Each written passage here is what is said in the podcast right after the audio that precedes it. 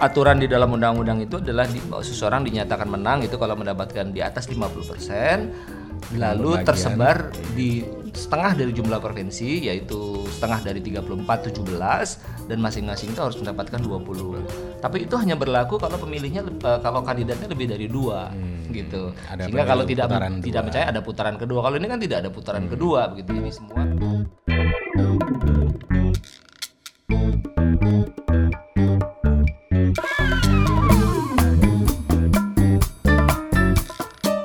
Salam saudara, Anda bersama Ngopi bareng Azul Arif Zulkifli, pemimpin redaksi majalah Tempo.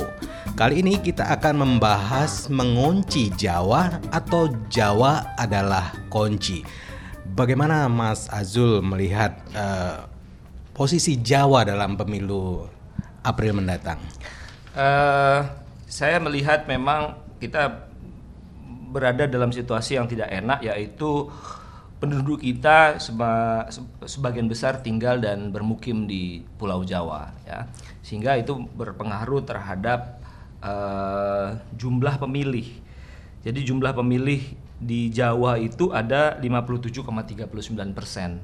Sehingga kalau mau main gampangnya eh, kandidat berfokus saja pada Jawa dia akan memenangkan eh, pemilu kira-kira begitu ya. Tentu saja ini eh, sebuah skenario yang yang tidak tidak tidak menyenangkan. Tapi kalau kita lihat pergerakan dari kedua tim itu memang berpusat di Jawa Barat, Jawa Tengah dan Jawa Timur. Tiga provinsi eh, dari enam provinsi yang ada di Jawa yang paling besar eh, apa, pemilihnya ya jadi DPT-nya begitu. Jawa Barat itu yang terbesar 33,2 juta, Jawa Tengah itu 27,8 dan Jawa Timur 30. Tiga yang lain bukan tidak penting tapi kecil-kecil. Banten itu penting 8,1, Jakarta 7,7 dan daerah istimewa Yogyakarta 2,7 juta orang pemilih gitu. Nah, sehingga sekarang eh, kita lihat misalnya pergerakan dari masing-masing kandidat itu ya main di sini. Hmm. Tapi bukankah untuk memenangkan pilpres nanti ada ketentuan 20% di daerah pemilihan atau 50% dari jumlah daerah pemilihan. Artinya kan tetap ya. memperhitungkan non Jawa kalau begitu. Jadi 50 aturan di dalam undang-undang itu adalah di, seseorang dinyatakan menang itu kalau mendapatkan di atas 50% lalu tersebar di setengah dari jumlah provinsi yaitu setengah dari 34 17 dan masing-masing itu harus mendapatkan 20. Tapi itu hanya berlaku kalau pemilihnya eh, kalau kandidatnya lebih dari dua gitu. Ada Sehingga kalau tidak tidak percaya ada putaran kedua. Kalau ini kan tidak ada putaran kedua begitu. Jadi semua jadi terabaikan. Ini memang saya kira satu aspek yang bahkan tidak diperhitungkan oleh partai-partai yang mendukung uh, presidensial threshold 20 dan 25 persen itu begitu. Jadi itu yang yang jadi persoalan. Nah kita lihat misalnya uh, berdasarkan hasil survei dan hasil uh, pemilu 2014 uh, kandidat 01 Jokowi Ma'ruf itu kan kuat di Jawa Tengah dan Jawa Timur ya. Karena itu adalah be- benteng tradisionalnya mereka gitu ya. PDIP bahkan kalau ditarik ke belakang PNI itu ya memang sangat kuat di Jawa Tengah dan sebagian Jawa Timur begitu. Nah sehingga eh, kubu 02 yaitu Prabowo itu berusaha menusuk di jantung pertahanan lawan dengan memindahkan eh, markas tim kampanye mereka ke Solo bahkan ya ke Jawa Tengah langsung ke tempatnya ke kediamannya Jokowi gitu.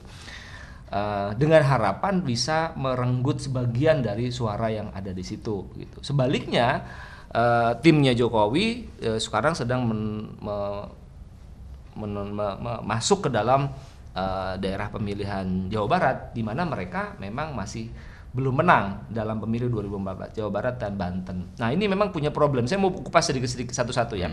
Di Jawa Barat dan Banten ini memang memang berat eh, dari dari beberapa studi yang saya baca dan ada satu peneliti NU yang juga menulis di Tempo beberapa waktu lalu memang tradisi Islam yang di dua provinsi ini bukan tradisi Islam moderat gitu ya. Jadi NU itu tidak terlalu sukses sebetulnya dalam sejarah Islam di kedua provinsi.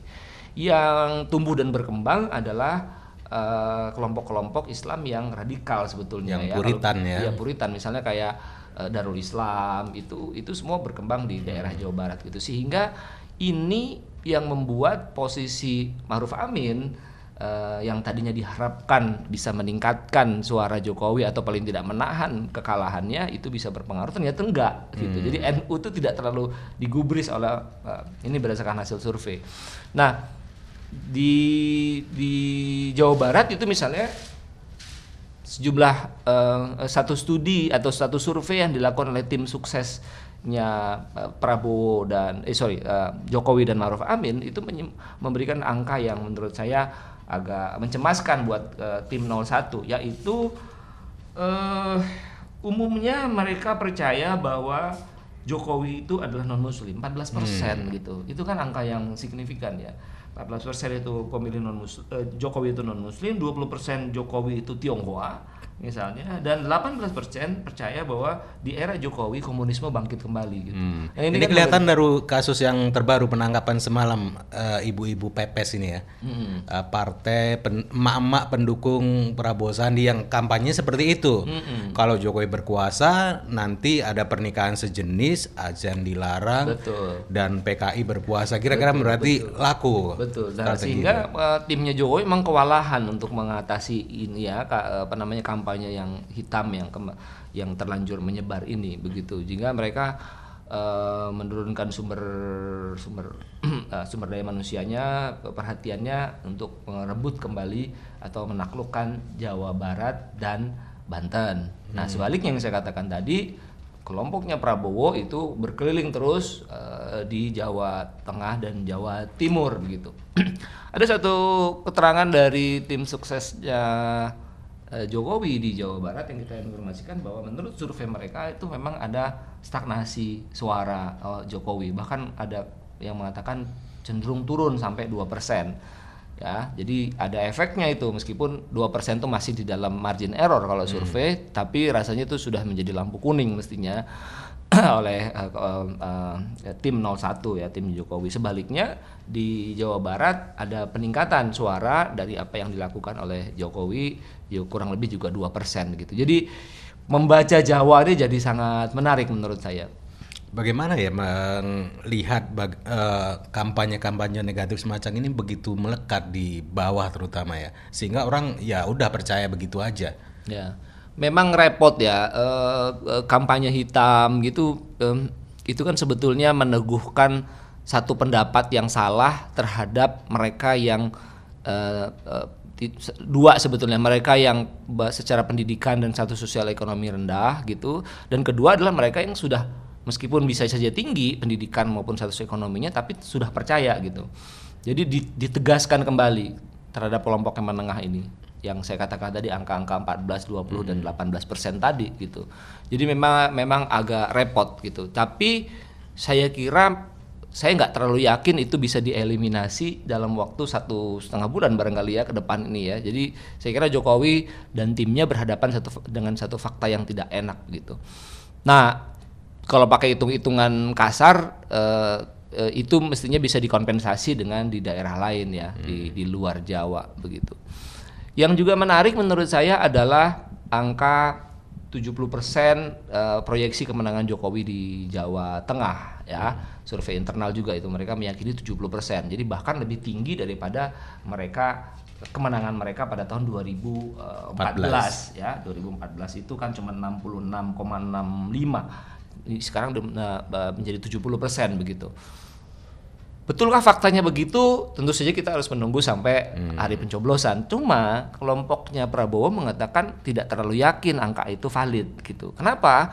Mereka selalu berpegang pada eh, hasil eh, pilkada 2018 di mana Sudirman Said yang didukung oleh Gerindra, PKS dan sebagian dari partai yang sekarang mendukung Prabowo itu mendapatkan angka 41,22 kalah memang dengan incumbent Ganjar Pranowo tapi di luar prediksi ha- survei gitu ya. Jadi 60 40 lah kurang lebih ya. Surveinya itu kan nggak sampai 20 gitu. Jadi apa yang terjadi sebetulnya? Nah saya coba-coba datang ke beberapa tempat di Jawa dan ngobrol dengan beberapa orang di sana ya kalau lagi nggak terlalu sibuk gitu. Saya kadang-kadang ke jalan dan mereka katakan bahwa eh, itu adalah eh, sesuatu yang mengejutkan mengejutkan. Tapi kalau dari kubunya Ganjar Pranowo mengatakan bahwa itu semua terjadi karena unsur PKB. Hmm. Jadi waktu itu PKB mendukung pasangan Sudirman Said dan Ida. Ida adalah kader PKB gitu. Nah sekarang mereka yakin bahwa tidak terjadi karena Idanya sudah pindah ke kubunya uh, Jokowi hmm. begitu kan. Uh, maksud saya PKB-nya sudah pindah ke kubu Jokowi. Jadi sebetulnya dia nggak punya basis lagi untuk mengulang kemenangan dalam tanda kutip 2018 pilkada itu begitu dari fakta itu saya balik lagi kepada uh, kelompoknya Sudirman dan kawan-kawan yang uh, Anda mesti periksa uh, hasil surveinya. Hasil surveinya adalah menurut mereka uh, kami tidak dibenangkan oleh PKB karena di beberapa basis PKB kami kalah. Hmm. Gitu. Jadi tidak benar PKB itu punya peran signifikan dalam pilkada 2014 dan dengan demikian maka hilangnya PKB dari kubu 02 pada 2019 juga tidak akan ada pengaruhnya. Jadi apa yang berpengaruh terhadap peningkatan suara Sudirman Said dan Ida sampai 41,22 pada pemilu 2000 pilkada 2018 menurut dia adalah PKS hmm. dan ketokohan begitu. Uh, karena tadi saya bilang bahkan di tempatnya PKB mereka kalah gitu. Betulkah itu? Saya nggak mau ambil kesimpulan, tapi harus saya akui bahwa PKS itu ada soliditas ya dalam hal kerja. Saya kira itu eh, sisa-sisa uh, apa namanya kemampuan mereka yang masih ada sampai sekarang. Tapi juga saya percaya mungkin juga ada unsur tokoh gitu. Bagaimana persisnya nanti uh, kita tunggu sampai tanggal 17 April hmm. gitu. Tapi kalau pertimbangannya adalah ketokohan, saya kira Prabowo sama Sudirman Said dua dua orang yang berbeda sama sekali gitu persepsi publiknya juga pasti akan berbeda gitu mas. Artinya akan lebih banyak melihat kerja-kerja di lapangan di grassroots ini ya yang kelihatannya teman-teman di PKS ini punya militansi yang jauh lebih tinggi ketimbang uh, tim sukses dari pasangan lain. Iya, saya kira itu juga betul uh, meskipun tim dan pemilih tradisionalnya PDIP juga nggak bisa kita kita abaikan ya untuk mereka bergerak dan mempertahankan jantung kekuatan mereka gitu ya. Meskipun uh, dari 02 geliatnya luar biasa. Saya ini kadang-kadang suka ngeliat-liatin baca-baca koran dan ini eh, berita-berita uh, di internet gitu misalnya orang kayak Rocky Gerung gitu itu kan sekarang lagi keliling terus tuh di hmm. seputaran Jawa jadi inline sebetulnya ya inline dengan rencana mereka menaklukkan Jawa atau menggeser suara perolehan suara mereka di Jawa ada rekomendasi nggak bagaimana supaya pemilu ini lebih juga memperhatikan pemilih di daerah lain bukan semata-mata mengunci Jawa atau Jawa adalah kunci dari pertarungan pilpres? Sebetulnya kalau saja calonnya lebih dari dua maka undang-undang pemilu sudah menyediakan jalan seperti yang kita kata kita bicarakan di awal tadi gitu ya memenangkan 50 distribusi di dua, dua minimal 20 persen di 17 provinsi jadi Jawa bukan satu-satunya hmm. kalau begitu nah ini kan sialnya kita kayak dikutuk oleh keadaan hmm. ini bahwa kita cuma punya dua calon nah kalau kita mau ngomel atau memprotes ke belakang maka kita bisa ngomel tentang uh, uh, threshold yang dibikin oleh. Oleh oleh DPR sendiri begitu. Jadi uh, kita dipilihkan uh, kandidat kita tuh dipilihkan cuma dua saja begitu sehingga uh, masyarakat menjadi uh, kecil pilihannya kemungkinannya gitu ya. Jadi itu sih sebetulnya kalau bisa lebih berikutnya lebih dari dua saya kira sudah cukup aturan di undang-undang itu. Nah kalau mau lebih rigid lagi tentu saja pakai uh, apa namanya model Amerika kan. Hmm. Nah, cuman itu juga electoral ada kritik, vote, ya. nah, ada electoral vote itu juga kritik gitu. Sehingga kekalahan Hillary kemarin sebetulnya adalah kekalahan di electoral vote ketimbang suara yang dia peroleh gitu. Suaranya hmm. sih sebenarnya lebih banyak daripada Donald Trump gitu kan. Nah, itu juga ada satu problem, tapi saya kira ini harus menjadi concern dari legislator, uh, akademisi, para pegiat demokrasi untuk memikirkan ini supaya Hmm, kita nggak bisa lagi mengatakan Jawa adalah kunci. Indonesia hmm. adalah kunci. Oke, baik. Terima kasih Bung Azul atas perbincangan tentang mengunci Jawa atau Jawa adalah kunci dalam pemilu presiden yang akan dilaksanakan pada April mendatang. Kita jumpa lagi di lain kesempatan. Saya Roni Si Tanggang. Salam.